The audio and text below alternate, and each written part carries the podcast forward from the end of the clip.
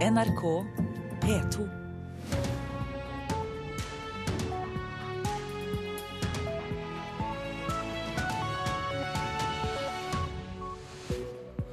Onsdag 4. februar er vi kommet til. Det er verdens kreftdag. Det kommer vi tilbake til her i Nyhetsmorgen. Nå klokka 6.30 er dette hovedsaker. I Taiwan har et passasjerfly krasjlandet i en elv i hovedstaden Taipei. Jordan har henrettet to terrorister etter at IS drepte en jordansk jagerflypilot. Vedlikeholdet av Forsvarets F-16-fly og Sea King-helikoptre rammes av streik. Og buss-journalistikken brer seg. Mange aviser har egne nettsider for å dele artikler på sosiale medier. Professor i journalistikk Arne Krumsvik er ikke imponert. Jeg er overraska over at avisene nok en gang velger å gå i flokk. En eller annen kommer opp med en god idé, og så skal alle andre igjen jakte det samme. Og akkurat det er jeg ikke så innmari imponert over.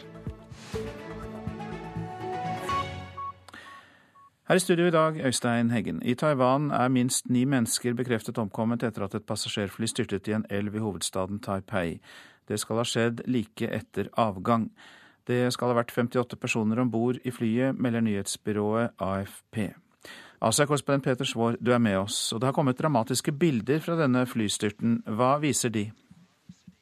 Ja, Hele denne flystyrten, svært dramatiske flystyrten er fanget på kamera. Man ser hvordan flyet rett etter eh, avgang fra flyplassen eh, i Taipei får kraftig slagside og legger seg helt over til venstre før det mister høyde og sneier med venstre vingespiss gjennom en motorveibro som ligger ved enden av rullebanen.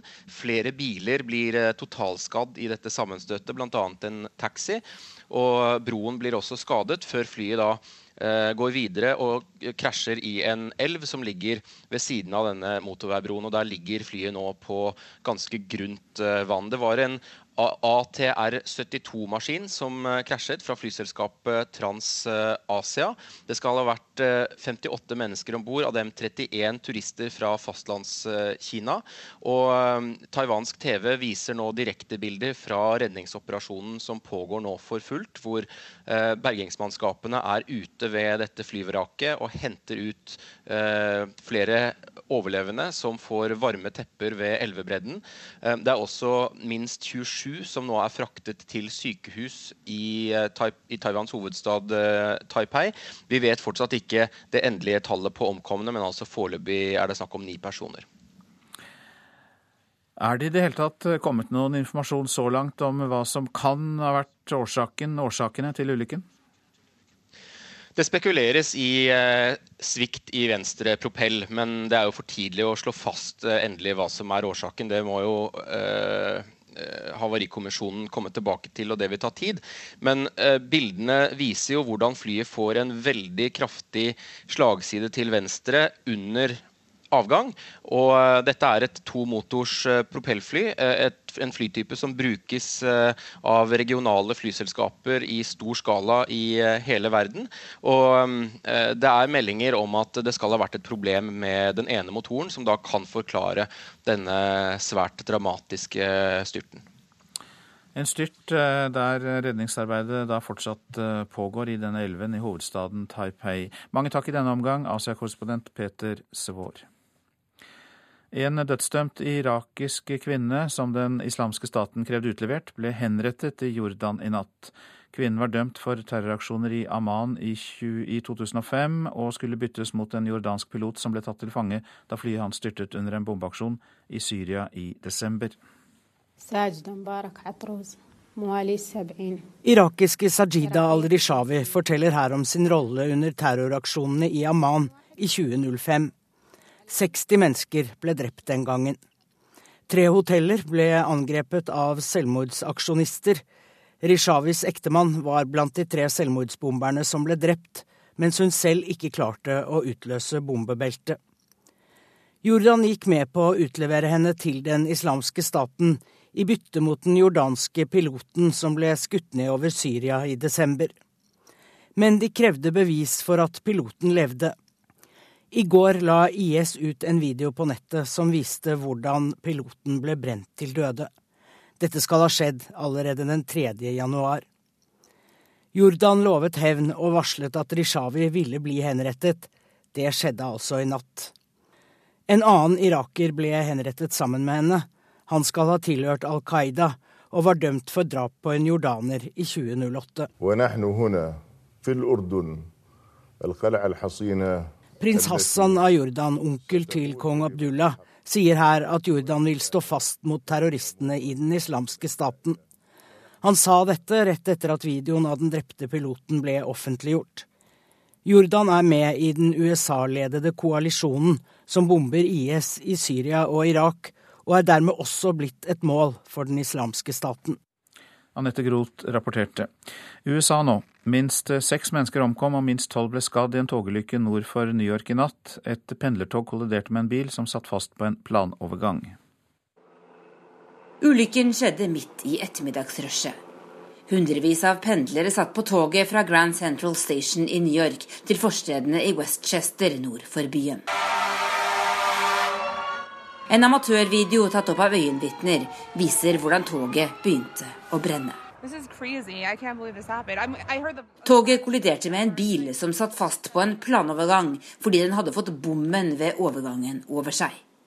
Føreren av bilen er en av de seks døde. De andre omkomne skal ha vært i den første vogna i toget der det altså brøt ut brann. Jamie Wallace satt i vogna bak. I was in the second car back. Uh, jeg hadde egentlig tenkt å gå på foran, men jeg er glad jeg ikke gjorde det, sier han. 400 passasjerer ble evakuert fra den bakre delen av toget og brakt til en idrettshall i nærheten.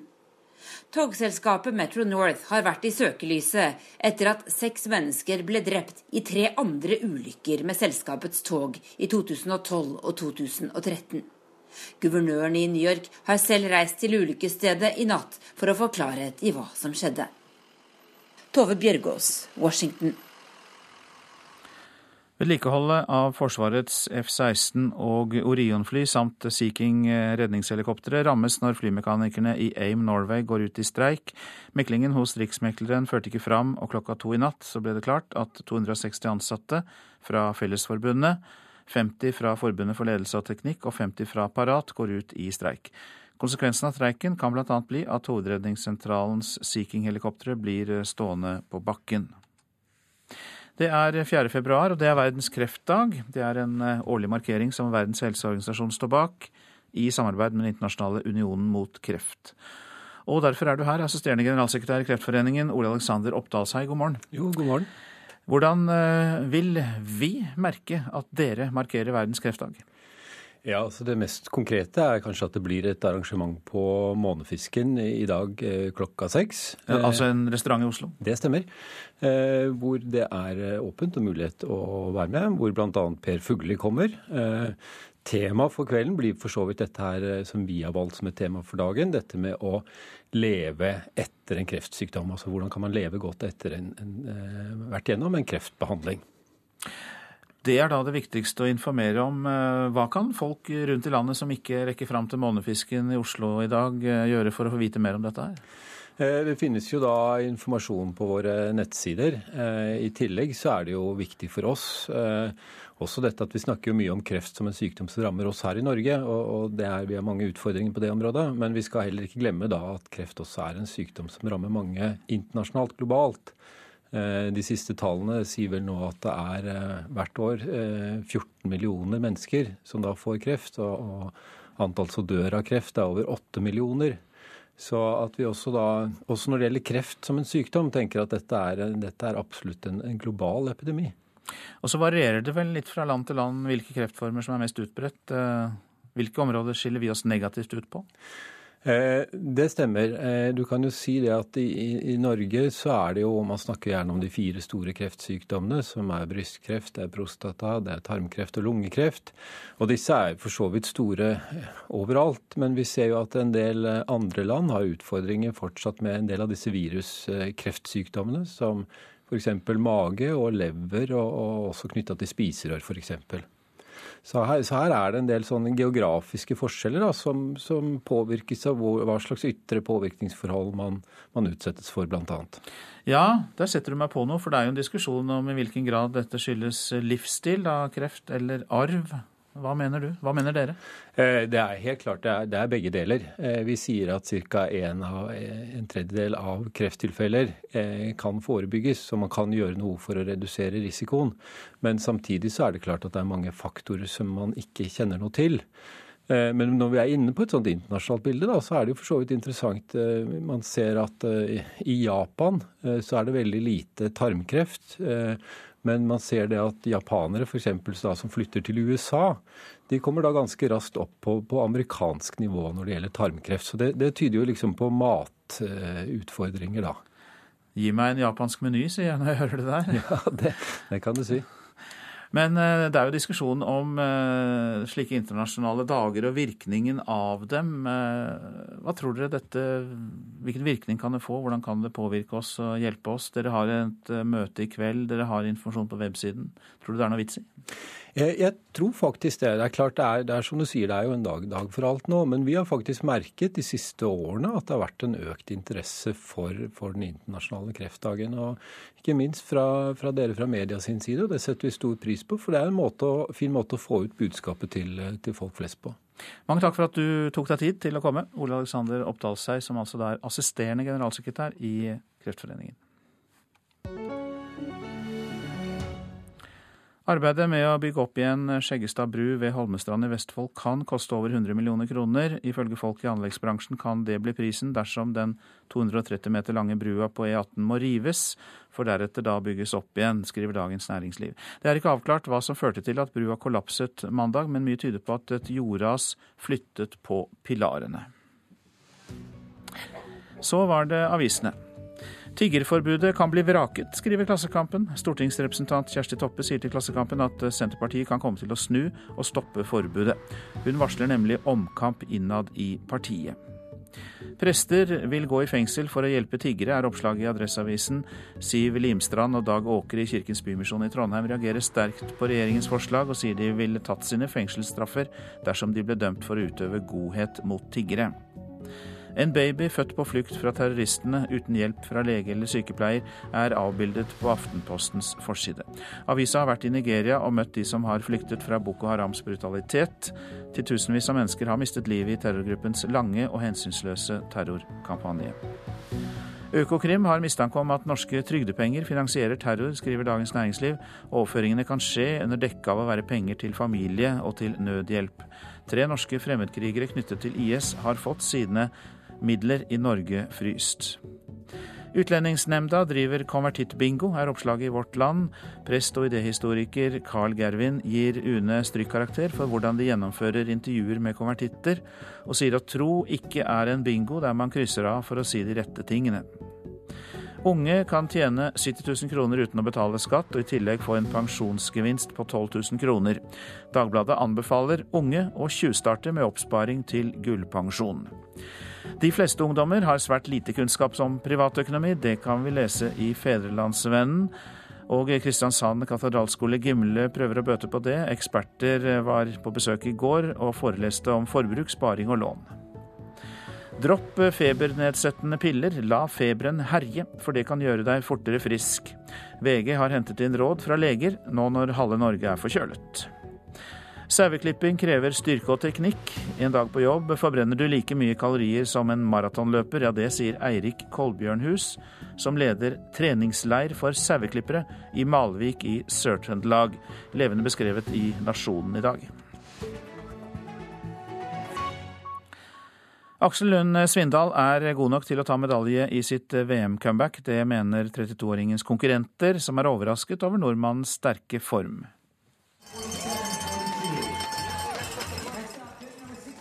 Endelig kunne fansen juble for Aksel Lund Svindal, som fullførte utfortreninga med Beaver Creeks største glis i går. I målområdet sto imponerte konkurrenter. Det er veldig imponerende at han gjør det så bra så tidlig etter akillesskaden. Spesielt i en vanskelig bakke som dette.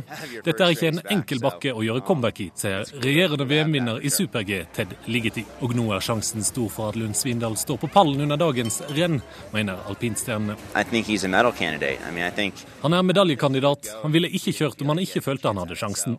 Han er mannen å se opp for, sjøl om han har vært ute lenge. Actually, it's the best uh, Det sier Dominic Paris, som vant det siste super-G-rennet før VM. Bestemann på trening, gullfavoritt Kjetil Jansrud, håper han kan få selskap av lagkameraten på pallen i Beaver Creek. Han jo, viser jo at han henger med, eh, selv om jeg er litt avstand nå. Har nok en del reserver, kjenner han riktig. Eh, så han, er en, han, er, han blir her og blir en medaljekandidat. Han har han alltid vært og kommer til å fortsette å være. Så at han kjører er, en, er bra for Norge. Og kveldens super-G fra VM i USA hører du på NRK P1 fra klokka 19.03. Og reporter i Beaver Creek nå, det var Hans Henrik Løken. Klokka passerte nettopp kvart på sju. Dette er hovedsaker. I Taiwan har et passasjerfly krasjlandet i en elv i hovedstaden Taipei. Jordan har henrettet to terrorister etter at IS drepte en jordansk jagerflypilot. Minst seks mennesker omkom og minst tolv ble skadd i en togulykke nord for New York i natt. Et pendlertog kolliderte med en bil.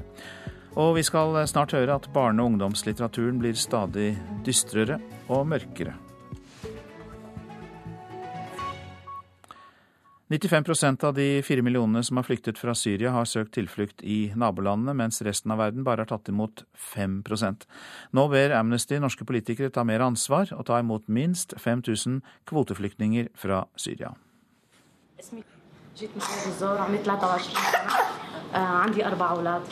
I en av de palestinske flyktningleirene i Beirut sitter 23 år gamle Yara med sine fire barn. På fanget sitter den yngste sønnen, og han er alvorlig syk og trenger sykehusbehandling. I likhet med snart fire millioner andre mennesker har den lille familien nå flyktet fra det borgerkrigsherjede Syria. Og ifølge FNs høykommissær for flyktninger, så er 380 000 av disse så sårbare og utsatt at de trenger et annet bosted og et annet tilbud enn det de kan få her. Situasjonen er prekær. Ehm, I nabolandet til Syria så har FN måttet kutte i matrasjoner, f.eks. Flere ganger. Det sier rådgiver Ina Tinn i Amnesty. Hun har nettopp vært i Libanon og sett hvordan situasjonen er for de mange syrerne som har flyktet landet. Og mange av de som er syke og trenger medisinsk behandling, får ikke det. Så alle kan jeg faktisk si at de flyktningene jeg traff eh, i Libanon og Jordan som hadde helseproblemer, de var i den situasjonen at de fikk ikke hjelp. For 95% av alle Syria-flyktningene har nemlig slått seg ned i nabolandene, og bare 5% av de totalt fire millionene flyktningene har slått seg ned i andre deler av verden. Og svaret på det er politisk, mener Amnesty. Det er mangel på politisk vilje i våre land til å ta et medansvar for denne katastrofen, humanitære katastrofen, som, som krigen i Syria og flyktningstrømmen er. Og Christian Aanensen var eh, reporter. Fem mennesker har mistet livet i flom i Bulgaria. En ni år gammel gutt er blant de omkomne etter at han ble tatt av vannmassene da han forsøkte å krysse ei bru sørøst i landet. Flere hundre mennesker er evakuert, og myndighetene har innført unntakstilstand i deler av Bulgaria. Ser du stadig flere artikler med titler som 16 katter som hater livet og du har skåret paprikafeil? Ja ja, det kan være fordi flere norske aviser lanserer spesialsider på nettet som skal deles på sosiale medier, det som da gjerne kalles buzzjournalistikk. Sist ut i rekken er Bergens Tidende med interiørnettstedet bonanza.no. Går det bra? Ja, det gjør det. Satt oppe på internett til klokken halv seks i dag tidlig. Det sier en trøtt Halvor Harsem, bedre kjent som bloggeren Kong Halvor. I et hjørne i det åpne kontorlandskapet i redaksjonslokalet til VG skriver han for avisens ferske nettside TLDR. TLDR skal gi deg det beste internett har å by på, med artikler spesiallagd for å deles på sosiale medier. Populært kalt buzzjournalistikk eller delejournalistikk. Jeg mener jo at enhver redaksjon i Norge bør ha en delingslab, kan kalle det det. Det sier ansvarlig redaktør for TLDR og digitalredaktør i VG, Ola Stenberg. For selv om TLDR baserer seg på å generere klikk, tjener de foreløpig ingenting på annonsesalg. Dette gjør vi for å lære mer om sosiale medier. Man kan vel slå fast nå at sosiale medier og deling er utrolig viktig. Og det er ikke VG alene om å tro. I det siste har stadig flere norske aviser og mediekonsern lansert egne delejournalistikk-nettsider. Nordlys med Bussit, Eggmont med Superlike og Dagens Næringsliv med BissBuss. Før helga lanserte også Bergens Tidende en nettside som skal basere seg på trafikk fra sosiale medier, nemlig interiørnettstedet bonanza.no. Og Når vi gjør dette, så er det selvfølgelig en tanke hos oss også at dette skal vi tjene penger på. Og det kan da være penger som vi pleier tilbake i annen journalistikk i Bergens Tidende. Det sier produktdirektør i Bergens Tidende, Tor Olav Mørseth. Jeg tror eh, hele journalistikken og alt sammen med markedet rundt journalistikken er i såpass stor endring at eh, et mediehus som ikke eksperimenterer og tester nye ting, vel, eh, da ser jeg litt mørkt på, på fremtiden hvis vi ikke skal gjøre det, da. Men ikke alle er enig i at det å lansere delejournalistikk-nettsider er eksperimentelt og nytt. Jeg vil først og fremst si at jeg er overraska over at avisene nok en gang velger å gå i flokk. Altså, Nyere avishistorie handler om at en eller annen kommer opp med en god idé, og så skal alle andre igjen jakte det samme. Og akkurat det er jeg ikke så innmari imponert over. Det sier professor i journalistikk ved Høgskolen i Oslo og Akershus, Arne Krumsvik. Han har dessuten liten tro på at pengene mediene tjener på delejournalistikken, vil brukes på kvalitetsjournalistikk, noe som har vært mange av avisenes forklaring på hvorfor det satses på egne nettsider for klikkjournalistikk. Det er en eh, dristig påstand, og jeg tror ikke det er noen eksempel å vise til som eh, kan sannsynliggjøre det. Så eh, det tryggeste hadde nok vært å prøve å distribuere kvalitetsjournalistikken i nye medier, i stedet for å gjøre det så indirekte at du først skal tjene penger på noe helt annet, og så kryssubsidiere det seriøse. Reportasjen var laget av Åsta Hoem Hagen. Barne- og ungdomslitteraturen blir stadig mer dyster og mørk, ikke minst i Norden. Av de 50 mest solgte ungdomsbøkene i Norge i fjor handlet en fjerdedel om verdens undergang og andre mørke temaer. Men så er det håpet i historiene da, som gjør at det fungerer, mener forfatterne av den såkalte teen noir. Da de drar oss opp av Limfjorden, henger vi fortsatt sammen. Jeg vet ikke hvor lenge vi har ligget i vannet, det er ikke så lett å si. Bokblogger og redaktør for nettsiden ubok.no, Nina Aalstad, leser fra boka Du og jeg ved daggry. Det er vanskelig å håndtere to lik som henger sammen på den måten. Spesielt når vi er så oppsvulmede. Dette var den mørkeste ungdomsromanen hun leste i fjor. Den går steder hvor veldig få andre ungdomsbøker våger å gå. Boka handler om et ungt par som velger å ta sitt eget liv. Det som gjør det så spesielt, og som også gjør det så mørkt og intenst, er det at det er fortalt fra denne unge jenta sin synsvinkel etter at hun er død. Danske Sanne Munch Jensen har skrevet ungdomsromanen sammen med Glenn Ringtved. Blant unge mennesker så var det sånn en, en tendens til at det å ta sitt eget liv hadde fått sådan lidt en, en martyrrolle. Altså det ble betraktet som, som, en sterk handling, faktisk. Og vi kunne godt tenke oss å vise hva der skjer når, når et ungt menneske tar sitt eget liv. Altså hva er det du ikke lenger kan være en del av. Så all den innsikt hun får på bagkant av sin egen død, kan hun jo i virkeligheten ikke riktig bruke til noe. Munch-Jensen er nå på nordisk barnebokkonferanse i Stavanger, der temaet nettopp er den sterke trenden med dystre bøker for barn og ungdom, ikke minst i Norden. Av de 50 mest solgte norske ungdomsbøkene i fjor var en firedel enten dystopier eller handlet om mørke temaer som død, selvmord, sykdom og mobbing. Ja, men Det er jo som all liksom, skrekkfilm og The Walking Dead. Altså, vi behøver mengder med sånne historier som vi bearbeider vår uro med. Det sier Maria Nilsson. Hun er lektor i litteraturvitenskap ved Linné-universitetet i Veksjø og har studert mørket i moderne ungdomslitteratur, og hun kaller det teen noir hva som har hendt under de seneste fem årene, er at det har blitt mørkere i all barn- og ungdomslitteratur. 60 år frem i tid så har tyranner tatt makta i de nordiske landene. Sier Amund Hestsveen. Sammen med Torborg Igland debuterte han i fjor med 'Flukten', første bok i en dystopitrilogi for ungdom. For Hestsveen er fantasy, dystopi og undergang en god ramme for å kunne skrive om livets store spørsmål. Om håp og om kampen mot det onde. Og Det er jo det vi har fokusert på. Hva er det som tennes av gnist i, i det innerste kammeret hos tenåringene, når de da graver opp en gammel Nokia fra vår tid og klarer å lage et batteri og få dette her i sving igjen, og så strømmer det ut musikk som de aldri har hørt før.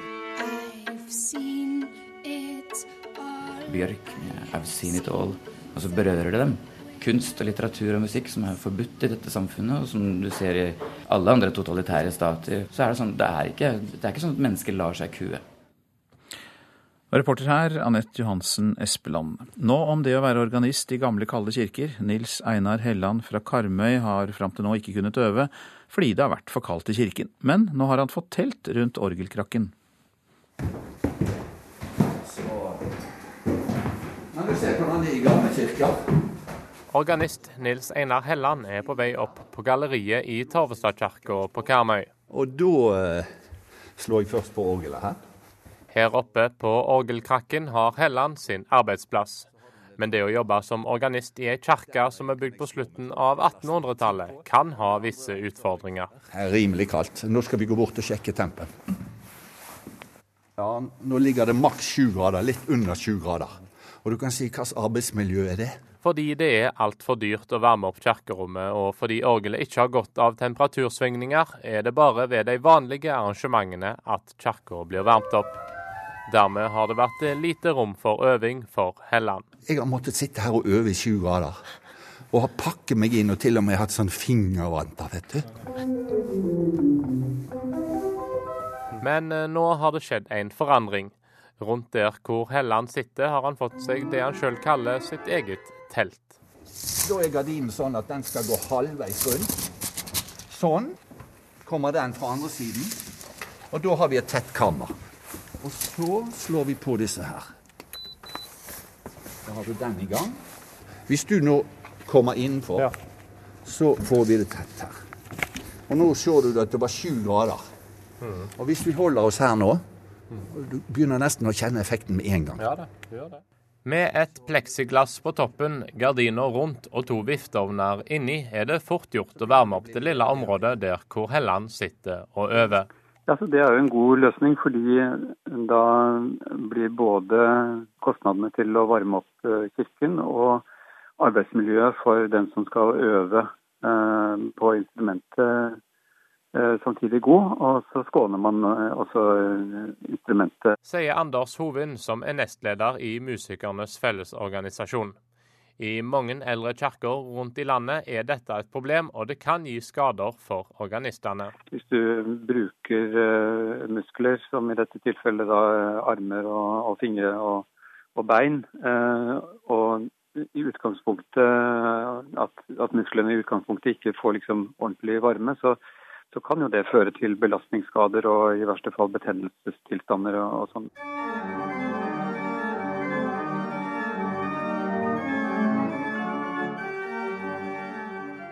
Tilbake i Torvestadkirka har nå temperaturen i teltet til Helland blitt så høy at fingre og føtter kan jobbe i høyt tempo. Og nå kan han endelig få øve så mye som han bare vil. Ja, Dette betyr at det er mye mer anvendelig å øve på på vinterstid. Jeg vil ikke gå og, småkvi meg, eller rett og slett la være å gå og øve orgel. Dette syns jeg er en genial løsning.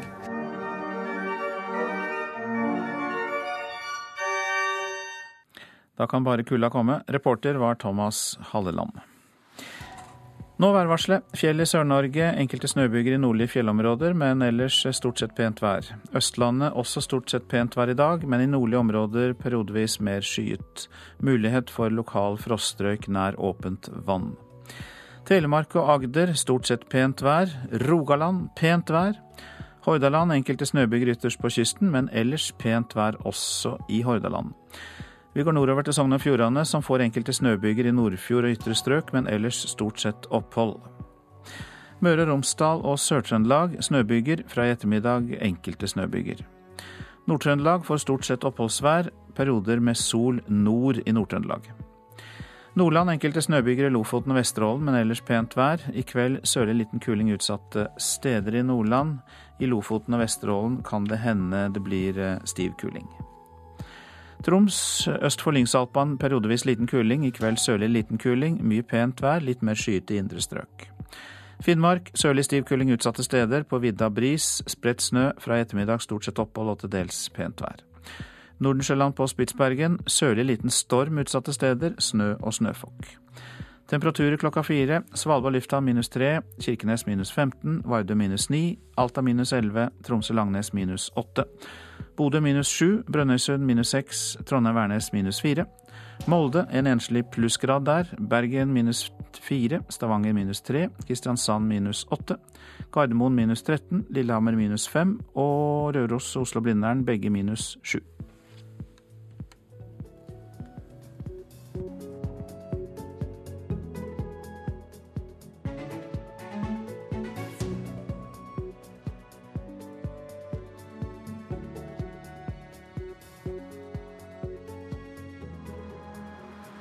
NRK P2.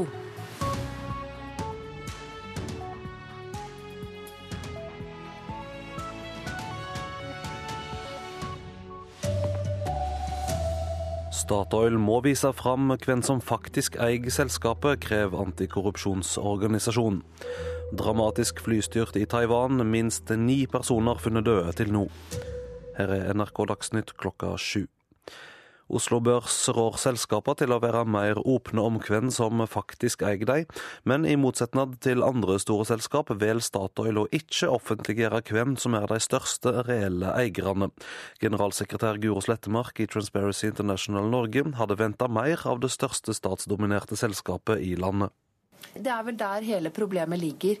At man også bør få opp i det minste de 20 største aksjonærene i selskapet, slik børsen anbefaler. Så spørsmålet nå er jo kanskje bør børsen stille som krav at man oppgir dette, eventuelt at Finansdepartementet kommer på banen og stiller, stiller krav om at selskapene oppgir denne informasjonen. Statoil sier de er kjente med tilrådinga fra Oslo Børs, men vil ikke endre praksis nå. I Taiwan ble minst ni personer drepne etter at et fly med 58 personer om bord styrta i ei bru og havna i ei elv. En video viser at flyet kommer sidelengs innover motorveggen, sneier en bil og krasjer i rekkverket. Mange er fremdeles innesperra i vraket. TV-bildet viser redningsmannskap som jobber ved flyet, som flyter i elva. Nesten alle de fire millionene flyktningene fra Syria har dreget til fem land. Det er Libanon, Tyrkia, Jordan, Irak og Egypt. Resten av verden har bare tatt imot 5 av flyktningene, og nå ber Amnesty om at Norge må ta imot minst 5000. Situasjonen er prekær. I nabolandet til Syria så har FN måttet kutte i matrasjoner, f.eks. flere ganger. Det sier rådgiver Ina Tinn i Amnesty. Hun har nettopp vært i Libanon og sett hvordan situasjonen er for de mange syrerne som har flyktet landet. Alle kan jeg faktisk si at de flyktningene jeg traff eh, i Libanon og Jordan som hadde helseproblemer, de var i den situasjonen at de fikk ikke hjelp. Det er mangel på politisk vilje i våre land til å ta et medansvar for denne katastrofen, humanitære katastrofen som, som krigen i Syria og flyktningstrømmen er. Reporter Christian Aanensen. Ei dødsdømd irakisk kvinne som terrorgruppa IS ville ha utlevert, ble avretta i Jordan i natt. Kvinna var dømt for terroraksjoner i Amman i 2005, og skulle byttes mot en jordansk flyger som ble tatt til fange i desember, da flyet hans styrta under en bombeaksjon i Syria. I går publiserte IS bildet av at han ble brent i hæl. Også en irakisk mann som skal ha vært knytta til Al Qaida, ble avretta av jordanske styresmakter.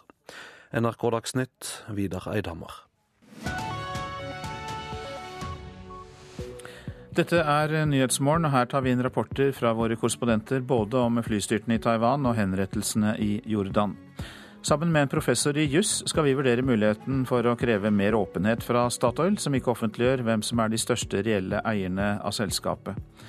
Og fuglebestandene går ned. Det er et alvorlig varselsignal, sier fagfolk.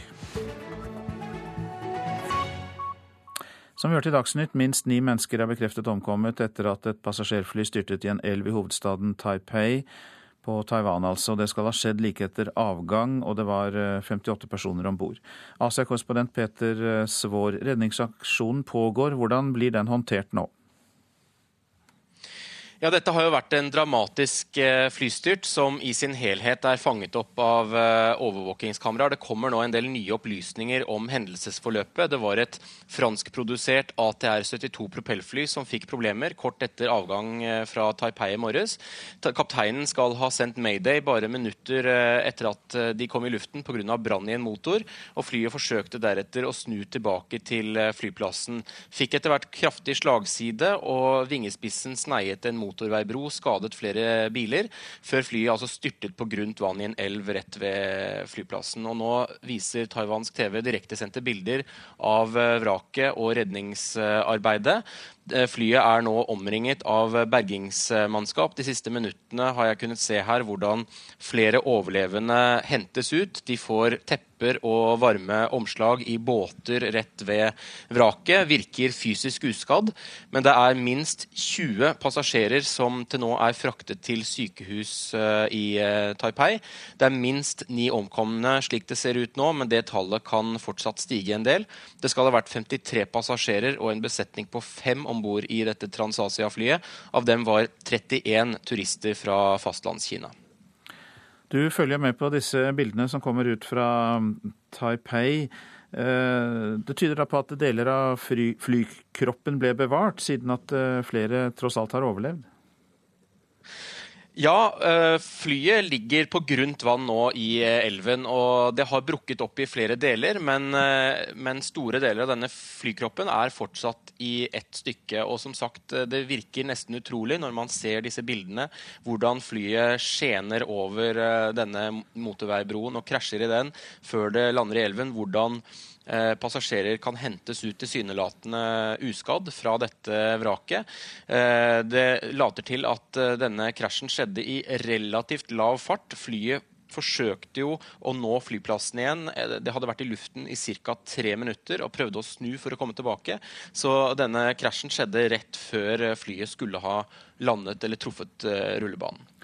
Og dette var altså da et regionalt flyselskap som hadde et propellfly? Dette var et uh, regionalt flyselskap som heter TransAsia. De, uh, flytypen var et ATR-72. Det er et franskprodusert propellfly som brukes av regionale flyselskaper over hele verden, og også mye her i Asia. Det som er å si om akkurat uh, selskapet TransAsia, er at de har en ganske dårlig sikkerhetshistorikk. De hadde en alvorlig styrt Eh, i fjor sommer, i juli, hvor 48 mennesker omkom og 10 ble skadd eh, i, med en tilsvarende flytype. Og i 2002 hadde de også en ganske alvorlig eh, ulykke med samme flytype, hvor pilotene omkom. Så dette er jo et, av, et selskap som eh, har hatt flere ulykker i de siste årene. Mange takk i denne omgang, Asia-korrespondent Peter Svår. Midtøsten Jordan har i løpet av de siste timene henrettet to fanger. Det skjer etter at den ytterliggående gruppa IS i går offentliggjorde henrettelsen av en jordansk pilot de hadde tatt til fange. Han ble brent levende i et bur. Midtøsten-korrespondent Sigurd Falkenberg eh, Mikkelsen. Hvem er det jordanerne har henrettet nå i løpet av de siste timene? Nei, de hadde jo sagt at de nå skulle uh, utføre dødsstraff på flere av disse fangene som IS eh, ønsket utvekslet. og De har eh, i dag morges eh, tatt livet av en irakisk kvinne, denne mislykkede selvmordsbomberen som de hadde i fengsel, Sajida al-Rashawi. Hun latet jo i hvert fall IS som de forhandlet om, hvis det er slik at det stemmer at denne henrettelsen av den jordanske piloten fant sted allerede i begynnelsen av januar. Den andre mannen er den mest kjente jihadisten de har i fengsel, eh, tilknyttet Al Qaida i Irak, Ziyad Karboli. Eh, og dette kan være starten på flere slike henrettelser. I hvert fall er det de signalene som har kommet fra jordansk hold. Det som nå har skjedd, ikke minst med gisler, hvordan har det påvirket stemningen i Jordan? Jordanerne er naturligvis eh, meget rystet over dette bestialske drapet, og kravet om hevn er sterkt. I går var informasjonsministeren eh, veldig tydelig, eh, snakket om en jordskjelvaktig reaksjon. Men samtidig så er dette vanskelig, en vanskelig sak for jordanske myndigheter. For det er også støtte, eh, eller i minste sympati, eh, til IS i deler av den jordanske befolkningen. Jordan er et sunnimuslimsk land, og følelsen av at sunnimuslimene lider under styret til Bashar al-Assad i Syria, og også i Irak, er sterk. Samtidig så har de også et problem med ekstremisme i Jordan. Grunnleggende av det som ble IS til slutt, kommer jo nettopp fra Jordan. og Fengslene er også fulle av folk Eh, som enten er tilknyttet eller har sympatier i den retning. Det er jo en koalisjon da bl.a. med land fra Midtøsten for å bekjempe IS. Eh, hvilken virkning tror du det som nå har skjedd eh, har for jordansk deltakelse der? Så Jordan er ett av fire arabiske land som deltar i denne koalisjonen. Men det er det mest sårbare landet. Det er det eneste landet med grense til Syria. De har også hundretusener av eh, flyktninger, eh, og også da denne eh, delvis i hvert fall sympatien knyttet til opprøret mot Bashar al-Assad i deler av befolkningen. Og kong Abdullah blir jo trukket fram i IS-propagandaen og blir kalt en tyrann og slike ting. Og det er ikke spesielt populært at Jordan deltar i denne koalisjonen. Det var også litt overraskende at de deltok aktivt i bombing, som gjorde også at denne piloten ble tatt til fange. Og Det er i dette rommet IS nå går inn med denne psykologiske krigføringen eh, de driver med. Eh, så får vi se hvordan det kan slå ut, om eh, Jordan nå samler seg og går sterkere inn mot IS, eller om de trekker seg litt tilbake i denne koalisjonen. Mange takk, Sigurd Falkenberg Mikkelsen, som altså er vår Midtøsten-korrespondent. Oslo Børs anbefaler selskapene mer åpenhet om hvem som faktisk eier dem. Men i motsetning til andre store selskaper velger Statoil ikke å offentliggjøre hvem som er de største reelle eierne. Og generalsekretær Guro Slettemark i Transparency International i Norge er eh, overrasket over det. Ja, det er jeg for så vidt. Dette dreier seg om uh, vårt faktisk største statseide norske selskap. Uh, og de bør være helt i front når det gjelder uh, spørsmål om åpenhet. Hvorfor er det viktig å vite hvem som er de største eierne i Statoil? Eh, dette er jo eh, personer som kan øve innflytelse på generalforsamling og har eh, en mulighet til å, til å stemme på generalforsamlinger f.eks. Og også er de som, eh, som får aksjeutbytte. Oslo Børs oppfordrer selskapene på børsen til å være mer åpne om hvem som eier dem. Og mange store norske selskaper, Telenor, DNB, Norsk Hydro og Orkla publiserer jevnlig oversikter over hvem som faktisk er de største eierne. Landets største selskap, Statoil, gjør det ikke. Av Statoils 20 største eiere er kun tre av dem kjente for offentligheten. Det er staten, Folketrygdfondet og Kommunal landspensjonskasse. 17 av storeierne er registrerte på forvalterkonti og synes ikke. I aksjonærregisteret fremstår de som utenlandske banker eller verdipapirforetak. Statoils kommunikasjonsdirektør Jannik Lindbekk jr. vil ikke gi NRK noen begrunnelse på hvorfor selskapet velger å holde sine største eiere skjult for offentligheten. Men i en e-post til NRK skriver han Vi er kjent med anbefalingen fra Oslo Børs om å vurdere dette, og det vil vi gjøre også i fremtiden. Dersom vi velger å endre praksis, vil vi informere om dette. Det er bare selskapene selv, politiet og Finanstilsynet som kan kreve innsynsrett i hvem som gjemmer seg bak en forvalterkonto i eierskapsregistrene. Det er vel der hele problemet ligger. At uh, man også bør få opp uh, i det minste de 20 eh, største aksjonærene i selskapet. Slik børsen anbefaler. Og generalsekretær Guro Slettemark i Transparency Norge spør om børsen eller Finansdepartementet bør innføre krav om offentliggjøring av de største reelle eierne i selskapene.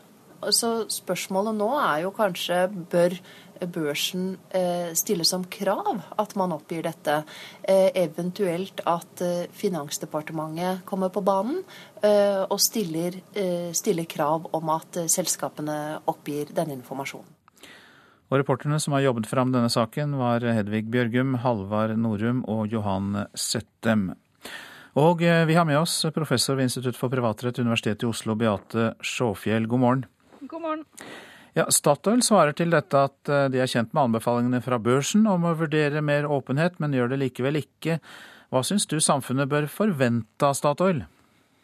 Jeg syns som et absolutt minimum at Statoil burde forholde seg seriøst til børsens anbefaling. Og eh, den arrogante måten som eh, de avviser den anbefalingen på, er jo ikke i tråd med det prinsippet som der skal følges. For det, det, det er jo meningen der at man enten skal følge anbefalingen eller forklare hvorfor man gjør det. Og her eh, sier jo Statoil tvert imot at de ikke eh, føler noe behov for å forklare det, men at de bare nærmest tar eh, anbefalingen til etterretning. Hvorfor er offentliggjøring viktig for oss? Eh, fordi Hvis vi ikke eh, vet hvem aksjonærene er, så, vet vi heller ikke hvem som i realiteten kan stå bak og kontrollere uh, viktige selskaper. Vi vet ikke hvem det kan være samarbeid mellom som, som, vi burde vite om. Og det blir mye vanskeligere å, å avsløre korrupsjon, innsidehandel, skatteomgåelser osv. Vi hørte at de eneste av de 20 største eierne i Statoil som da er kjent for offentligheten, det er staten og KLP, altså Kommunal landpensjonskasse, men ikke de øvrige. Eh, de skjuler seg altså bak en såkalt forvalterkonto i disse eierskapsregistrene. Hvordan fungerer det? Eh, det fungerer slik at eh, de som ønsker å, å, kjøpe aksjer, eh, registrerer seg hos en forvalter, f.eks. For en bank, som, som, da kjøper aksjene for, for disse aksjonærene. og og eh, opererer utad som aksjonærer. Eh, og Det kan også da være flere ledd av disse for, forvalterkontiene. sånn at det, det, gjør det veldig vanskelig å få innsyn i hvem som eh, egentlig står bak selskapene og, og kontrollerer det. Og, og, Når vi da har et selskap som Statoil hvor, hvor staten er majoritetsaksjonær, så er jo det også et spørsmål her hvorfor ikke staten sjøl insisterer på at i hvert fall dette selskapet skal, skal følge følge børsens anbefaling. Ja, Transparency International Norge sier jo det samme, altså at uh, man bør stille krav om offentliggjøring. Uh, hvor uh, mulig er det å få til med de rettsreglene man har nå? For det første så kunne staten som majoritetsaksjonær i Statoil gjøre det. Staten kunne på, på, på generalforsamlingen eh, bestemme at dette skal være selskapets eh, policy fremover. Eh, så på et mer generelt grunnlag så, så kunne jo staten se nærmere på, på det regelverket vi har, og, og, og, vurdere å innføre en ordning som, som legger bedre til rette for, for åpenhet. Det, det, vil jo være da, i tråd med den, den internasjonale diskusjonen som, som nå pågår om hvordan man kan få mer innsikt i hvem som eh, egentlig står bak selskapene, og, og hvordan man kan eh, legge til rette for at eh, lover opprettholdes bedre, og få en, en, et bedre grunnlag for en diskusjon om aksjonærene også skal ha mer ansvar og, og ikke bare rettigheter. Mange takk, Beate Sjåfjell, som er professor ved Institutt for privatrett ved Universitetet i Oslo. Klokka den passerte nettopp 7.16. Vi har disse hovedsakene i Nyhetsmorgen. I Taiwan har et passasjerfly krasjlandet i en elv i hovedstaden Taipei. Redningsarbeidet pågår fortsatt. Ni av de 58 menneskene om bord er bekreftet drept. Jordan har henrettet to terrorister etter at IS drepte en jordansk jagerflypilot. Og vi hørte altså at Statoil ikke vil offentliggjøre hvem som er de største reelle eierne av selskapet, selv om Oslo Børs ber om mer åpenhet. Og professor Beate Sjåfjell sa jo nettopp at de burde absolutt offentliggjøre. I dag eh, tidlig vil regjeringen sammen med samarbeidspartiene KrF og Venstre presentere sitt forslag til nasjonale klimamål for perioden 2020 til 2030. Og det er et ledd i prosessen fram til klimatoppmøtet i Paris i desember i år, der målet altså er å få til en internasjonal klimaavtale. Og I den anledning er du her politisk kommentator i NRK, Magnus Takvam. Ja, ut ifra det vi nå har fått vite, så er det da slik at samarbeidspartiene Venstre og KrF også stiller seg bak forslagene, og hvor viktig er det? Det er i seg selv uh, veldig viktig, sett fra regjeringens ståsted uh, særlig. Høyre og Frp. Vi husker jo alle hvor slitsomt det var med budsjettprosessen, der man måtte gå veldig slitsomme og harde forhandlingsrunder i Stortinget. Eh, og vi har også nettopp hatt en miljøsak om den uh, oljekonsesjonen, den 23. konsesjonsrunden, og hele debatten om iskanten, uh, hvor den skal plasseres, som jo viste politisk konflikt nettopp mellom sentrumspartiene og regjeringspartiene. Så det at man i hvert fall i utgangspunktet får en enighet, alle fire partiene, om en såpass viktig miljøsak som den vi snakker om her, er et, et viktig politisk, strategisk eh, grep og, og, poeng. Så her har de satt seg bak døra, låst og blitt enige. Men hva har de da kommet fram til, der de har sittet eh, og meislet ut eh, klimaspørsmålet? Ja, de holder eh, informasjonen tett om dette for å ha, gjøre pressekonferansen klokka ni mer interessant enn om alle ting blir kjent på forhånd, selvfølgelig. Men eh, det er klart at KrF og Venstre har hatt eh, krav om en mer ambisiøs innretning enn det det ellers ville blitt, og sier sånn på generelt grunnlag at de er fornøyd med det. Et helt sentralt poeng som de har fått gjennomslag for, slik jeg har oversikt over det, er at man ikke skal nå de norske utslippsmålene Eh, med hjelp av å kjøpe u-landskvoter, altså kvoter eh, i, i, fattige land. slik regjeringen til nå, og f.eks. også Arbeiderpartiet og, og sånn, har, har, gått inn for. Så det er en eh, skal vi si, viktig delseier, da, for å si det slik, i miljøpolitisk sammenheng for Venstre og, og KrF. Her sjongleres det også veldig ofte med prosentreduksjoner. Ikke alltid like lett å skjønne, mm. men eh, har du fanget opp eh, noen prosenter som utslippene skal ned med? Altså, det som vil måtte skje, er at Norge må forhandle med EU om dette. Fordi vi jo også er en del av den, det internasjonale, eller EUs kvotesystem, som dekker nesten halvparten av de norske utslippene på norsk territorium. De er en del av en boble som, der EU er med. Eh, og hvordan Norge da skal få godskrevet de reduksjonene som eh, skjer i industrien, i oljesektoren osv. på norsk jord, blir en del av forhandlingene med EU. Hvordan mekanikken for det skal skje. Og også hvor store reduksjoner Norge da må bidra med i de områdene som ikke er dekket av eh, kvote, kvote, kvoteutslippene. Det er da transportsektoren, landbruk, oppvarming, hvor mye eh, eh, opptak skog gjør osv. Det vil også i en stor grad bli en forhandling med EU. Men eh, de vil legge seg på et mål som er minst like ambisiøst som EU, som er 40% reduksjon fra 2020 til 2030. Takk for det, politisk kommentator i NRK Magnus Akvam. Du har fått fram noe av dette for oss, og mer får vi altså på pressekonferansen klokka ni i dag. Mulla Krekar bør ikke få være, med, være på det sentrale østlandsområdet fordi han kan gå rett inn i det ekstreme islamistmiljøet som mentor og veileder, sier PST-sjef Benedicte Bjørnland, som eh, seinere i dag skal legge fram den eh, trusselvurderingen de kommer med hvert år. Der får trusselen fra personer som sympatiserer med terrorgruppa IS og Al Qaida stor plass. Det blir sagt at du er farlig. Er du, er nei, du farlig? nei, nei, nei, de tull, bare de tuller. Mulla Krekar snakker med journalistene utenfor rettslokalet som behandlet spørsmålet om politiet kan tvangsflytte ham ut av Oslo over 50 mil nordover til Kyrksæterøra i Sør-Trøndelag. Krekar tapte første runde, og PST-sjef Benedicte Bjørnland mener det er viktig at han ikke får bo på det sentrale østlandsområdet. Vi har ikke foreslått eh, Kyrksæterøra, men vi har foreslått noen kriterier. Og Noen av de kriteriene går bl.a. ut på at han ikke bør bosettes på det sentrale Østlandet, eh, hvor han kan gå rett inn i et ekstremt islamistisk miljø. Hva er det dere er redd for at han kan gjøre?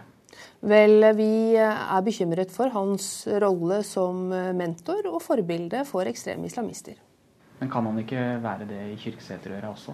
Han har fortsatt tilgang til internett, eh, og den kanalen kan ikke vi gjøre noe med. Men det er vanskeligere for eh, personer utenfor å kontakte han eh, når han plasseres eh, der han gjør nå. Er mulla Krekar den eneste som kan rammes av denne instruksen? Per nå så er han den aktuelle kandidaten. Men vi har tidligere anført i forbindelse med at instruksen ble foreslått, at fem til ti personer kan være aktuelle for en slik vurdering. Mulla Krekar nekter for at han har kontakt med noen i det ekstreme islamistmiljøet. Men han vil ikke svare på hva han synes om terrorgruppa IS. Jeg snakker ikke noe om den, for jeg, jeg svarte at jeg har ingen informasjon. Hvordan jeg kan si det? Nei, nei, jeg har ikke informasjon. Krekar er ikke nevnt i PSTs åpne trusselvurdering, som blir presentert klokka ett i dag. Men NRK vet at terrortrusselen mot Norge fra fremmedkrigere i Syria og Irak og tilhengere av IS og Al Qaida får stor plass. Det er en beskrivelse av eh, trusselbildet slik vi ser det, både innenfor eh, områdene ekstrem islamisme, høyreekstrem virksomhet, venstreekstrem virksomhet, eh, trusselen fra andre stater i form av etterretningsvirksomhet, og også faren for spredning av kunnskap og teknologi som kan brukes til produksjon i masseødeleggelsesvåpen. PST-sjef Benedicte Bjørnland til reporter Olav Døvik. Avisene nå. Tiggerforbudet kan bli vraket. Stortingsrepresentant Kjersti Toppe sier til Klassekampen at Senterpartiet kan komme til å snu og stoppe forbudet. Hun varsler nemlig omkamp innad i partiet. Prester vil gå i fengsel for å hjelpe tiggere, er oppslaget i Adresseavisen. Siv Limstrand og Dag Åkre i Kirkens Bymisjon i Trondheim reagerer sterkt på regjeringens forslag. En baby født på flukt fra terroristen uten hjelp fra lege eller sykepleier er avbildet på Aftenpostens forside. Avisa har vært i Nigeria og møtt de som har flyktet fra Boko Harams brutalitet. Økokrim har mistanke om at norske trygdepenger finansierer terror, skriver Dagens Næringsliv. Overføringene kan skje under dekke av å være penger til familie og til nødhjelp. Utlendingsnemnda driver konvertittbingo, er oppslaget i Vårt Land. Prest og idéhistoriker Carl Gervin gir UNE strykkarakter for hvordan de gjennomfører intervjuer med konvertitter, og sier at tro ikke er en bingo der man krysser av for å si de rette tingene. Unge kan tjene 70 000 kroner uten å betale skatt, og i tillegg få en pensjonsgevinst på 12 000 kroner. Dagbladet anbefaler unge å tjuvstarte oppsparingen til gullpensjon. Fuglebestandene både på hav og fjell er sterkt i nedgang. Det er et faresignal som vi må ta på det dypeste alvor, sier fagfolk. Europa har mistet en halv milliard fugler på 30 år. Også her i landet er forskerne bekymret. Det vi ser er at eh, For Lomvi f.eks. så har bestandene i de aller, aller fleste fuglefjellene gått tilbake med opptil 99 å se gråtrassen, eh, hvor lite det er den i forhold til det var guttungen. Så det, det, er en tragedie, altså. Ja, det er jo eh, dramatisk eh, relativt. Det er jo store endringer. Det er bare noen få av stemmene fra forskerne og naturkjennerne det siste året. Og forskningsrapport etter forskningsrapport viser denne utviklinga. Det blir stadig færre fugler, og mange står i fare for å forsvinne for godt, både på fjellet og på havet. Forskere fra en rekke land jobber med sjøfuglene for å finne svar på hva som skjer. Kartlegginga som starta tidlig på 80-tallet, viser enorme endringer på kysten. Og i 2007 ble det store forskningsprogrammet SIPOP satt i gang. Der er Svein Håkon Lorentzen, seniorforsker for Norsk institutt for naturforskning. For at eh, det er veldig mange sjøfuglarter nå som er i sterk tilbakegang. Mange sjøfuglarter er på rødlista. Eh, vi har ikke full oversikt over hva som er årsaken til at eh, bestandene endres. Det vi fant det var en, en, stor nedgang for veldig mange av artene. Vi undersøkte 13, 14 arter, og av dem så hadde ni en, en, en signifikant, det vi kaller en signifikant nedgang. Eh, og gjennomsnittsnedgangen var faktisk 30% fra 2002 til 2012. Det sa forsker Jon Atle Kålås fra NINA, og peker på det som vises over hele verden, men som vi egentlig ikke tar inn over oss. Kanskje har avstanden mellom natur og menneske blitt så stor at vi ikke forstår alvoret. Flere mener i hvert fall at det er sterke varselsignaler vi nå får. Kjetil Solbakken er generalsekretær i Norsk ornitologisk forening. Det er flere arter som går tilbake enn dem som går fram. Eh, og de som går tilbake, er gjerne arter som er avhengig av en intakt uh, natur og, fungerende økosystem, mens en del arter som kan du si utgjør seg mer menneskeskapte habitat, de uh, går fram. Men i sum så er jeg dypt bekymra for den utviklinga vi ser. Det er en ikke-bærekraftig utvikling som vi er nødt til å virkelig gjøre mye for å snu. Ødelegger vi naturgrunnlaget, så ødelegger vi også oss sjøl. Det har mange gjennom historien påpekt, og mange historier vist oss. Nettopp dette er det nå forskere og naturelskere roper ut så høyt om. Uten at eh, de helt klarer å se alle sammenhengene, så går vi likevel raskt mot den tause våren. Som historien om brusene som vi nylig fortalte om, også forteller om. Det ser vel egentlig svært dårlig ut. Eh, undersøkelsene som vi har gjort fram til nå, tyder jo på at den i hvert fall har hatt en tilbakegang på 80 til kanskje så mye som 90% i løpet av de siste 20-30 årene. Eller som naturveteran Jon Østeng Hov påpekte om blåstrupen. Fra 2002 til nå så har blåstrupen gått voldsomt tilbake. og Det er vondt å tenke på. Hva du tror det kommer av? Har ikke peiling. Det er, kan være mange ting. Det tror ikke en enkel forklaring. Og Denne reportasjen var laget av Kjartan Trana. Ja, Du lytter til eh, Nyhetsmorgen. Produsent Ingvild Ryssdal. I studio Øystein Heggen. Etter Dagsnytt sender vi en reportasje fra de separatistkontrollerte områdene i Ukraina. Vår korrespondent der spør hvor aktive de russiske militære styrkene er.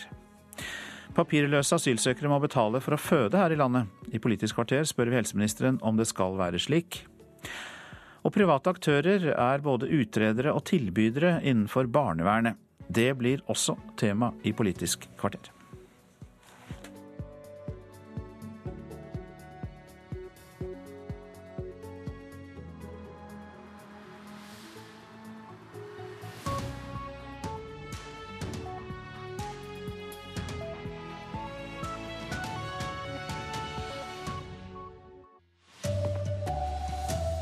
Dramatisk flystyrt i Taiwan. Passasjerfly styrta på en motorvei og havna i ei elv.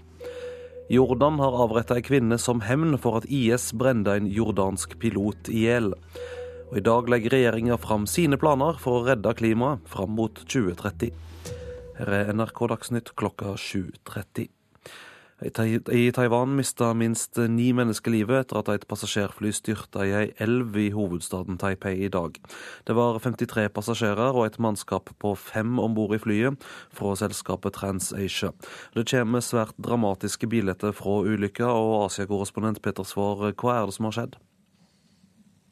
Det spekuleres i at årsaken til denne styrten er en motorsvikt. Kapteinen skal ha sendt ut mayday-signal nesten umiddelbart etter eh, avgang fra flyplassen i Taipei. Prøvd å snu flyet av typen ATR-72 tilbake mot rullebanen. Det greide han ikke. Overvåkingsbildene viser hvordan flyet legger seg nesten 90 grader over til venstre, eh, sneier en motorveibro ved flyplassen med venstre vinge, og treffer også flere biler som blir totalvrak før flyet styrter i en liten elv og der ligger vraket nå på det som later til å være ganske grunt vann. Ja, Tallet på omkomne har stiget utover morgenen. og Hvordan går redningsarbeidet? Taiwansk TV sender nå direkte fra ulykkesstedet, og jeg har de siste minuttene kunnet se flere overlevende hentes ut av vraket. De ser omtumlet ut, men uskadd, og de får tepper rundt seg. Men det er minst ni omkomne nå. Det skal være 27 av passasjerene til nå som er sendt til sykehus. og Det gjør at tilstanden for 22 passasjerer på nåværende tidspunkt er uviss. En del av dem er fortsatt fanget i vraket, og det fryktes at tallet på omkomne derfor kommer kommer til å stige en del. Det er for øvrig under ett år siden selskapet TransAsia opplevde en alvorlig styrt. Da med 48 omkomne i fjor sommer med samme flytype, et tomotors propellfly som eh, også har styrtet denne gang. Takk skal du ha, Asia-korrespondent eh, Peter Svaar, og du kan se bilder og video av flystyrten på nrk.no. Ei dødsdømt irakisk kvinne som terrorgruppa Den islamske staten ville ha utlevert, ble avretta i Jordan i natt. Kvinna var dømt for terroraksjoner i Amman i 2005, og skulle byttes med en jordansk pilot som ble tatt til fange da flyet hans styrta under en bombeaksjon i Syria i desember. Irakiske Sajida al-Rishawi forteller her om sin rolle under terroraksjonene i Amman i 2005. 60 mennesker ble drept den gangen. Tre hoteller ble angrepet av selvmordsaksjonister. Rishavis ektemann var blant de tre selvmordsbomberne som ble drept, mens hun selv ikke klarte å utløse bombebeltet. Jordan gikk med på å utlevere henne til den islamske staten i bytte mot den jordanske piloten som ble skutt ned over Syria i desember. Men de krevde bevis for at piloten levde. I går la IS ut en video på nettet som viste hvordan piloten ble brent til døde. Dette skal ha skjedd allerede den 3. januar. Jordan lovet hevn og varslet at Rishawi ville bli henrettet. Det skjedde altså i natt. En annen iraker ble henrettet sammen med henne. Han skal ha tilhørt Al Qaida og var dømt for drap på en jordaner i 2008. Sa utenriksmedarbeider Anette Groth. Midtøsten-korrespondent Sigurd Falkenberg Mikkelsen, Jordan er med i den amerikanskleia koalisjonen som bomber den islamske staten i Irak og Syria. Hvor viktig er Jordan her? Det er en viktig symbolsk deltakelse. Eh, amerikanerne hadde jo et veldig sterkt behov fra begynnelsen av eh, for å gjøre dette til en eh, krig mot IS, mot en terrorgruppe, og ikke til en amerikansk krig mot sunnimuslimer. Jordan er jo en sunnimuslimsk stat. En av fire arabiske stater som deltar, men er det eneste landet som grenser til Syria. Og det var litt overraskende at de deltok med luftvåpenet sitt, som også gjorde at de nå mistet en pilot. Mange hadde nok regnet med at de ville innta en mer tilbaketrukket rolle. Det er også hundretusener av syriske flyktninger i Jordan, men landet er en tett alliert av USA. og Det er jo dette som har avgjort i spørsmålet her. Har jordanske styresmakter støtte i befolkninga i kampen mot IS? Dette er en uh, vanskelig sak for jordanske myndigheter. Uh, de har støtte blant deler av befolkningen for, uh, i kampen mot IS, men deltakelsen i koalisjonen, den aktive deltakelsen, er ikke veldig populær.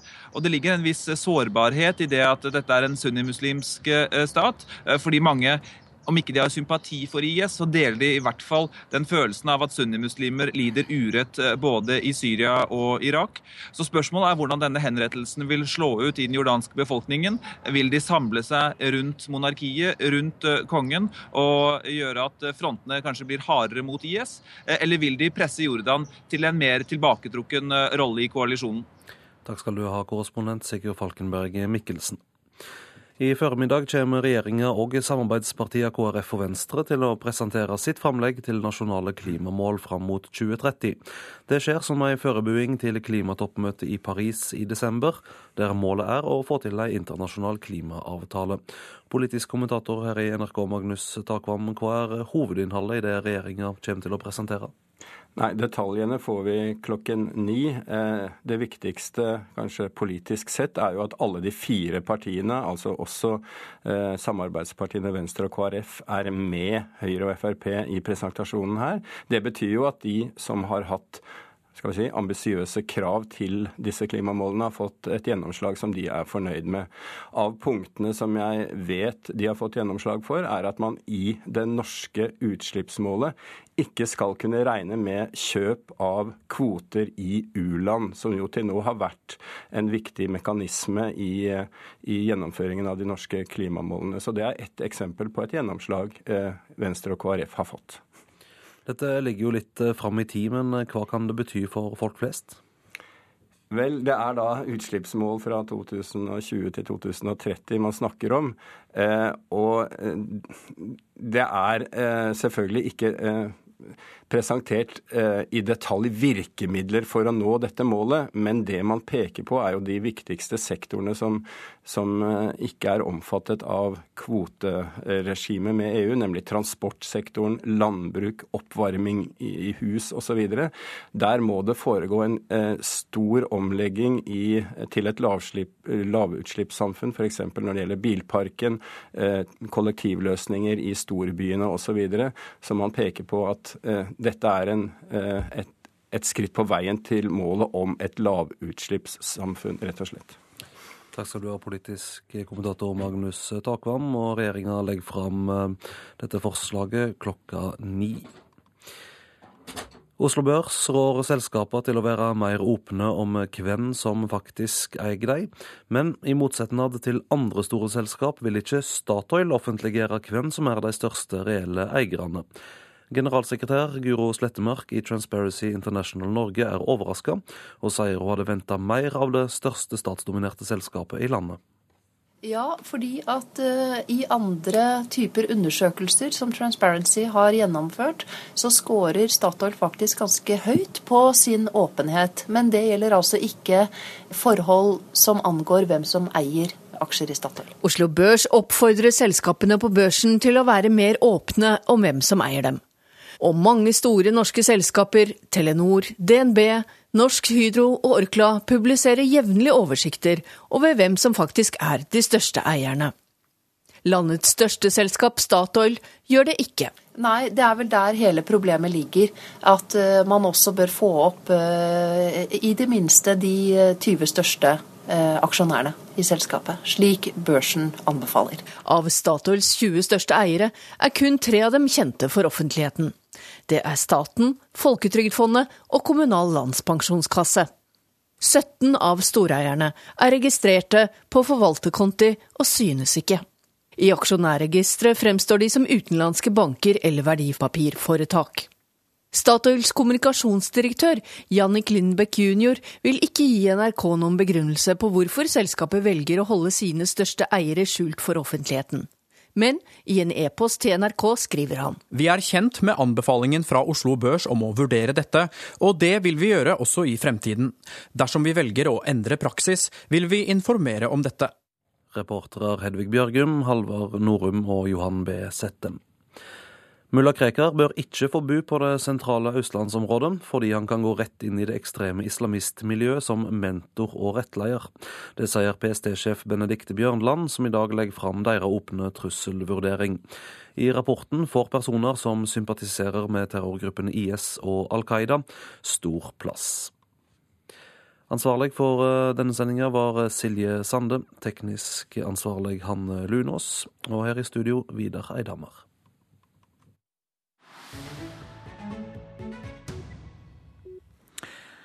Du lytter til eh, Nyhetsmorgen, og vi spør hvor aktive de russiske militære er i de separatistkontrollerte områdene i Ukraina. For den siste tiden har vi sett russisk militær oppbygging langs grensen, og det dukker opp bilder av moderne russiske våpen inne i Ukraina. Korrespondent Morten Jentoft har sendt denne reportasjen fra områder som kontrolleres av russiskvennlige opprørere. Vi trodde først ikke helt hva vi så der vi kjørte i regnværet forbi den russiske byen Matvejev-Kurgan, like sør for grensen til Ukraina. Som ut av intet dukket opp en lang kolonne med militære kjøretøyer på vei nordvestover i motsatt retning av oss. Men så kom en ny kolonne kjørende, og så en til. Grønne, militære biler. To av dem med utskytningsramper for rakettvåpen. Det ene av den fryktede typen Uragan. Og de fleste av kjøretøyene hadde ikke nummerskilter. De så ut til rett og slett å være skrudd av. Et sted hadde en militær lastebil med en tilhenger veltet utfor veien, og soldater forsøkte å få den på rett kjøl igjen. Vi trodde vi nå var ferdig med krigen. Sammen med min finske kollega var jeg på vei ut av krigsområdet etter fire dager i Danetsk, der drønnene fra nettopp rakettvåpen som Orogan kunne høres nesten konstant. Men kolonnene med russiske militære kjøretøyer på vei mot grensen fortalte at krigen også var til stede her på den andre siden, og brakte minnene tilbake til det som skjedde i slutten av august i fjor, da Europa opplevde noen av de blodigste krigshandlingene siden annen verdenskrig.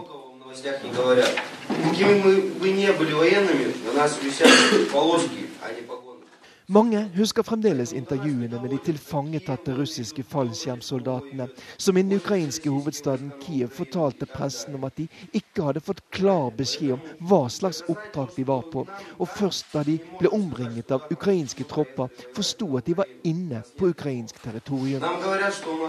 Da Krimhalvøya i løpet av noen uker rundt månedsskiftet februar-mars i fjor ble overtatt av Russland, vakte det også oppsikt at soldater og kjøretøy uten kjennetegn dukket dukket opp. Først noen måneder seinere innrømmet Russlands president Vladimir Putin at disse var russiske, og ga noen av soldatene utmerkelser og forfremmelser.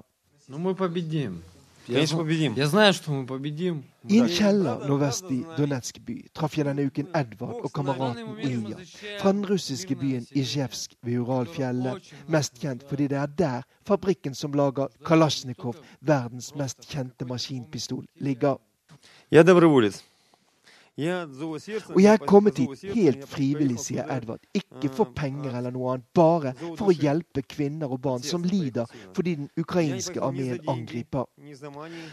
Edvard passer dermed inn i det bildet som russere blir presentert for daglig gjennom sine medier. Det foregår et folkemord mot den russisktalende befolkningen i Novorossia, den delen av Ukraina der russisk språk dominerer. Og de russere som drar dit for å slåss, ja, de gjør det av egen frivillige. Men det er ikke alle som bor i de separatistkontrollerte områdene som er like glad over hjelpen de får fra Russland. I bydel Bosse sør i Danetsk treffer jeg Mikael, som peker på de tydelige sporene etter tunge stridsvogner i asfalten. Han forteller at han selv så noen timer tidligere russiske stridsvogner som rullet forbi her på vei vestover til fronten. Ingen har rett til å ødelegge Ukraina, sier Mikhail, som mener at Russland og president Vladimir Putin må bære hovedansvaret for at det nå pågår en blodig krig øst i Europa, som holder på å rive hans hjemland i filler. 23 år etter at Ukraina ble en selvstendig nasjon som en følge av oppløsningen av Sovjetunionen. Dette er hovedsaker i Nyhetsmorgen. Dramatisk flystyrt i Taiwan. Passasjerfly styrtet i en elv. Ni personer er bekreftet omkommet. Jordan har henrettet to terrorister, blant dem en irakisk kvinne. Det skjedde som hevn for at jordansk pilot ble brent til døde av IS. I dag legger regjeringen fram sine planer for å redde klimaet fram mot 2030. Regjeringens forslag får også støtte fra samarbeidspartiene KrF og Venstre. Og I motsetning til andre store selskaper vil ikke Statoil offentliggjøre hvem som er de største eierne, selv om Oslo Børs ber om mer åpenhet. Politisk kvarter nå ved Astrid Randen.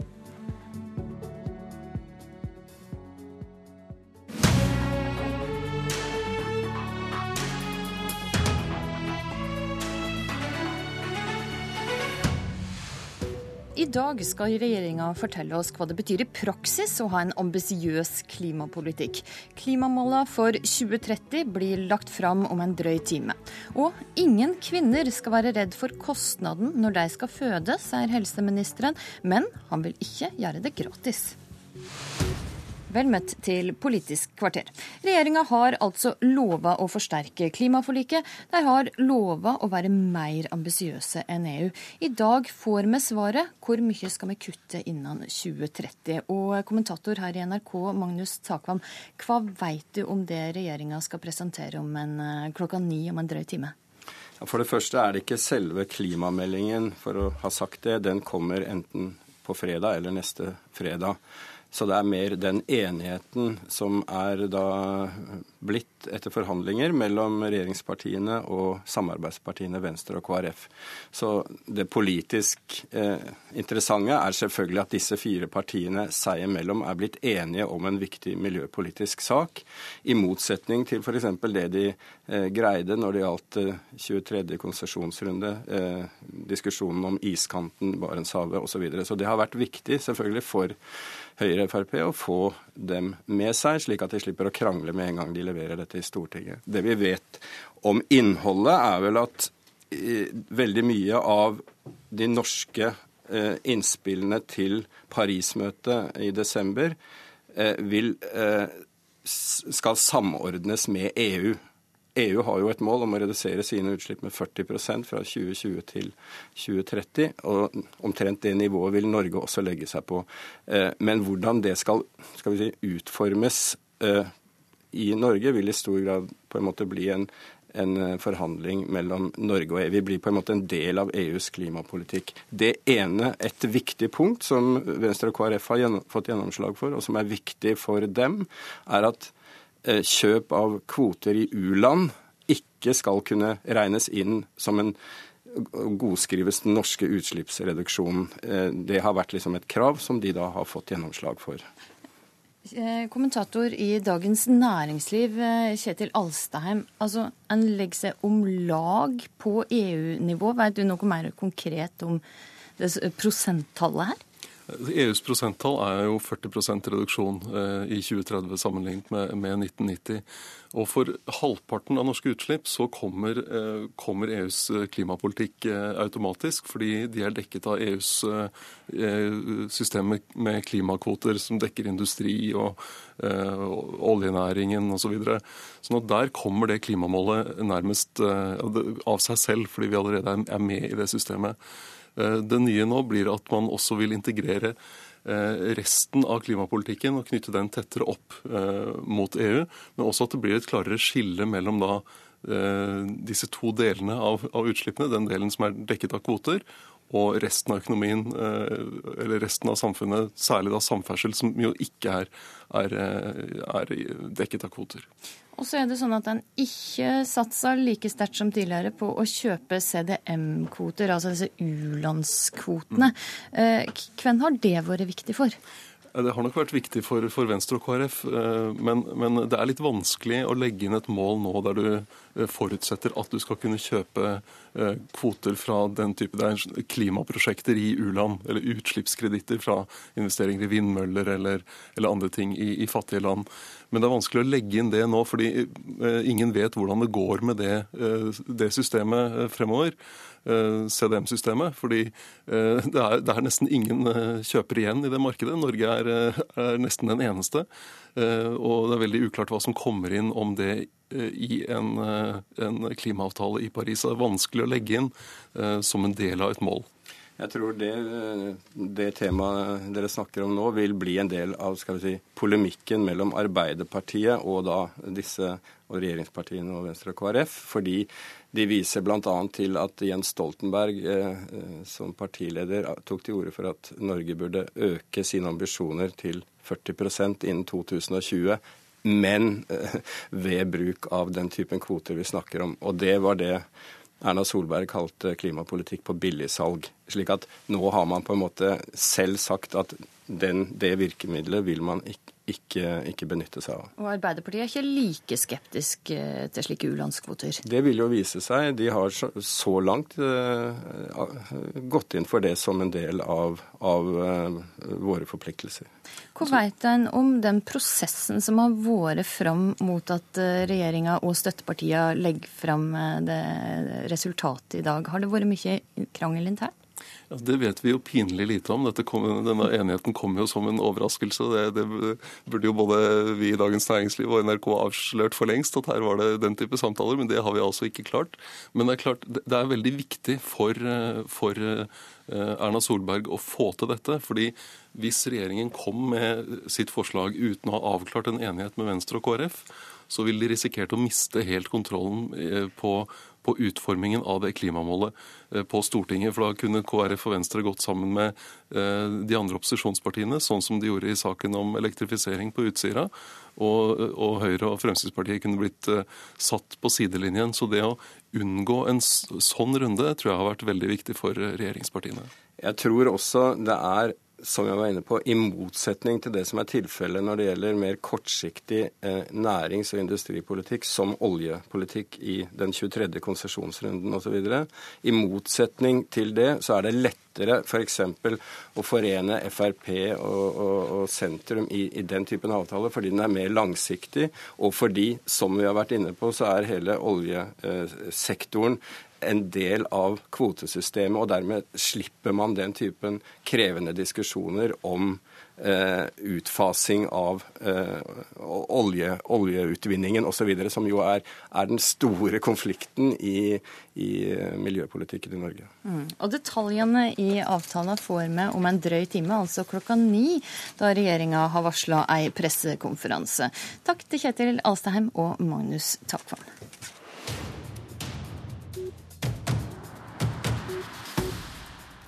Ingen skal være redd for kostnaden når de skal føde et barn, det sier helseminister Bent Høie. Men etter at etiopiske Tegist Regasa måtte ta keisersnitt i november, fikk hun ei regning på over 50 000 kroner i posten. Hun har nemlig ikke oppholdsløyve og har fått avslag på asylsøknaden, har vi kunnet lese i Aftenposten. Og helseminister Bent Høie, hvem skal betale regninga til Regaza? Regasa? For det første er det viktig for meg å understreke at eh, det er ingen som er i Norge som skal være redde for at de ikke får helsehjelp hvis det er øyeblikkelig hjelp, eller hvis det er helsehjelp som ikke kan, eh, som ikke kan vente. Eh, så er det sånn at hvis, hvis en oppholder seg ulovlig i Norge, så er hovedregelen at en skal betale for den helsehjelpen hvis en har muligheten til det. Men hvis en ikke har muligheten til det, så er det sykehuset som skal ta regningen. Og i dette tilfellet så har jeg sagt at jeg syns det vil være lurt om hun da, hvis hun mener hun ikke kan betale, at hun klager til Helsedirektoratet på det og får hjelp av eventuelt pasientombudet til å skrive den klagen. For da får en en, en second opinion på om de har muligheten til å betale den regningen eller ikke. Så en skal ikke være redd for kostnaden, men en skal ikke få vite om en får en regning eller ikke? En vil få en regning hvis det er sånn at sykehuset vurderer at en har økonomi til å betale. Og det er det sykehuset som skal bestemme om en er betalingsdyktig? Det gjør sykehuset i første runde, ja. Men hvis en selv er uenig i den vurderingen, så har vi, lever vi heldigvis i et eh, godt rettssamfunn i Norge. og da har en enkle og tilgjengelige klageordninger som en òg kan få hjelp av pasient- og brukerombudet i sitt eh, hjemfylke til å klage på. Da får en en annen vurdering av, av dette. og når det gjelder personer som oppholder seg ulovlig i Norge, som har vært asylsøkere og fått avslag, så vil det jo i de aller fleste tilfellene være sånn at en ikke har råd til å betale regninger av denne størrelsen. og Derfor er det sånn at de i veldig sjelden tilfelle eh, de får regning på det. De fleste får dette gjort eh, gratis. Men hvorfor har etiopiske Regasa da fått en regning på disse 50 000 kronene? Skulle hun ikke fått denne regningen? Ja, det, det, må du nesten spørre Levanger sykehus om. Det sånn Men det, det, du sier nå, er at de burde ikke sendt ut denne regninga? Nei, det sier jeg ikke. Jeg sier at det er de enkelte sykehusene som må vurdere det i de konkrete tilfellene. og hvis sykehuset vurderer at de har en betalingsevne, så skal de sende regning men hvis de ikke vurderer at de har betalingsregning, så sender de ikke regning. og Derfor er det sånn at i aller, i aller fleste tilfellene så blir det ikke sendt en regning, fordi sykehusene vurderer at de ikke har kampbetalt. Helsepolitisk talsperson i Senterpartiet, Kjersti Toppe. Du har eh, kommet med krav om at det skal være gratis å føde. Hva syns du om eh, de signalene som helseministeren nå gir? Eh, han refererer jo dagens eh, regelverk, eh, og jeg mener at det ikke er godt nok. Og når han sier at ingen skal være redde for kostnadene ved en fødsel, så er ikke det tilfellet. Folk er redde nettopp fordi at en får ikke avklart på forhånd om en får en regning i posten eller ikke. Når det er snakk om den konkrete saken fra Levanger, så syns jeg at helseministeren kunne og burde sagt at de skulle jo ikke ha sendt ut den regningen. For det er jo et eksempel på at dagens regelverk blir praktisert feil. Eh, og så syns jeg òg at å henvise de papirløse eh, som eh, har fått en regning de vi visste de ikke kunne betale, eh, til å klage til via eh, pasientombud og til Helsedirektoratet. Og det blir en veldig byråkratisk, og eh, jeg syns jeg må bruke litt sunt vett i denne saka her. Vi må forstå at de, de personer dette handler om, å henvise de til et sånt system, det, blir, det er ikke greit i hele tatt. Det er kanskje ikke så lett for en papirløs asylsøker som ikke har opphold i Norge, å finne ut hvordan anke klagesystemet har i helsevesenet i Norge? Ja, det er ikke veldig komplisert. så jeg synes at Kjersti Toppe her fremstiller et veldig enkelt system eh, på en feil måte. I alle fylker i Norge er det pasient- og brukerombud. Eh, de er òg ofte tilgjengelige på sykehusene. En får god informasjon om det. Og De òg eh, bidrar både til å snakke direkte med sykehuset, men de kan òg bidra til å skrive og eh, hjelpe til med en sånn klage. Så det, det er feil fremstilling. Og så er det jo sånn okay, at men, i de fleste, til, i de fleste saken, tilfellene så får jo ikke personer som oppholder seg ulovlig i Norge, som er gravide og føder, en regning heller, nettopp fordi sykehuset gjør en vurdering i forkant. Men jeg vil jo ikke tro at Kjersti Toppe mener i fullt alvor at jeg som helse- og omsorgsminister skal overta Helsedirektoratet sin saksbehandlerrolle i denne konkrete saken. I så fall så hadde jeg eh, brutt en rekke regelverk. Det er, det, er, på feil spor nå. Det må handle om eh, årsaker og, eh, og da, hvordan en klager. Det, jeg syns ikke vi skal eh, ordne opp i et felt med å henvise til at folk kan klage. Det, da må vi endre på regelverket og sørge for at fødsel i Norge det skal være gratis. Og det syns jeg det skal være uavhengig om personer har opphold i Norge eller ikke. Og det som jeg synes okay, at... Men la oss ta det, da. Bent Høie. Ja. Hvorfor kan det ikke være gratis å føde barn Nei, i altså, Norge? Dette regelverket som ble lagd av den regjeringen som Kjersti Toppe eh, var en del av, eh, jeg synes jeg er veldig klokt. Eh, fordi at det er veldig tydelig på at ingen skal være redd for at de ikke får helsehjelp. Men hvis en oppholder seg ulovlig i Norge, så har han ikke rett til å få dekka sine utgifter, med mindre en har så dårlig økonomi at han ikke kan betale. Og det er jo nettopp og det, jo, og det, kan det ikke være gratis å føde? Altså dette, her har vi en norsk ja. Mannen er norsk. Eh, altså faren til dette barnet er norsk. Det barnet som blir født, eh, blir norsk statsborger. Og likevel så er det altså en regning som kommer på denne fødselen. Hvorfor skal det være slik? Fordi at mammaen da ikke har norsk statsborgerskap? Ja, det er rett og slett sånn fordi at eh, personer som oppholder seg ulovlig i Norge, eller ikke har opparbeidet seg rettigheter i den norske helsetjenesten, ikke kan få dekka eh, utgiftene som det norske helsevesenet har. For hvis vi gjør det, så åpner vi opp for en helseinnvandring til Norge som gjør at en rekke mennesker i verden vil kunne oppsøke et av verdens beste helsevesener og få, få helsehjelp. Og Det ønsker vi ikke, og det tror jeg òg var bakgrunnen for at den regjeringen som Senterpartiet var en del av, òg var så tydelig på på denne grensen. Det tror jeg er en klok grense. Så vil okay, det være mange, okay, den da, mange Helseinnvandring til Norge, Toppe? Eh, det det syns jeg er et argument som jeg ikke stiller meg bak i hele tatt. Det er greit eh, at de, vi gir alle en rett til øyeblikkelig hjelp og annen nødvendig helsehjelp som ikke kan vente, og at de da må betale det sjøl hvis, hvis, ikke de da får, får, får fritak for regningen. Men Eh, men det har òg blitt kritisert. Eh, for hvis vi gir en rettighet samtidig som vi sender en regning i posten til personer vi vet ikke kan betale, så må vi være villige til å diskutere om denne retten da er en illusjon. Og så mener jeg at eh, fødsel er i en særstilling her. Øyeblikkelig hjelp kan vi diskutere, men fødsel er en særstilling fordi det òg handler om en tredjeperson, altså barnet som ikke er født, og, og slags eh, muligheter vi gir det. Eh, dette paret fra Levanger hadde måttet ta keisersnitt før, eh, så det var jo en risikofødsel. Eh, Mannen tørde ikke gi beskjed til kvinner eh, om ordningene i Norge.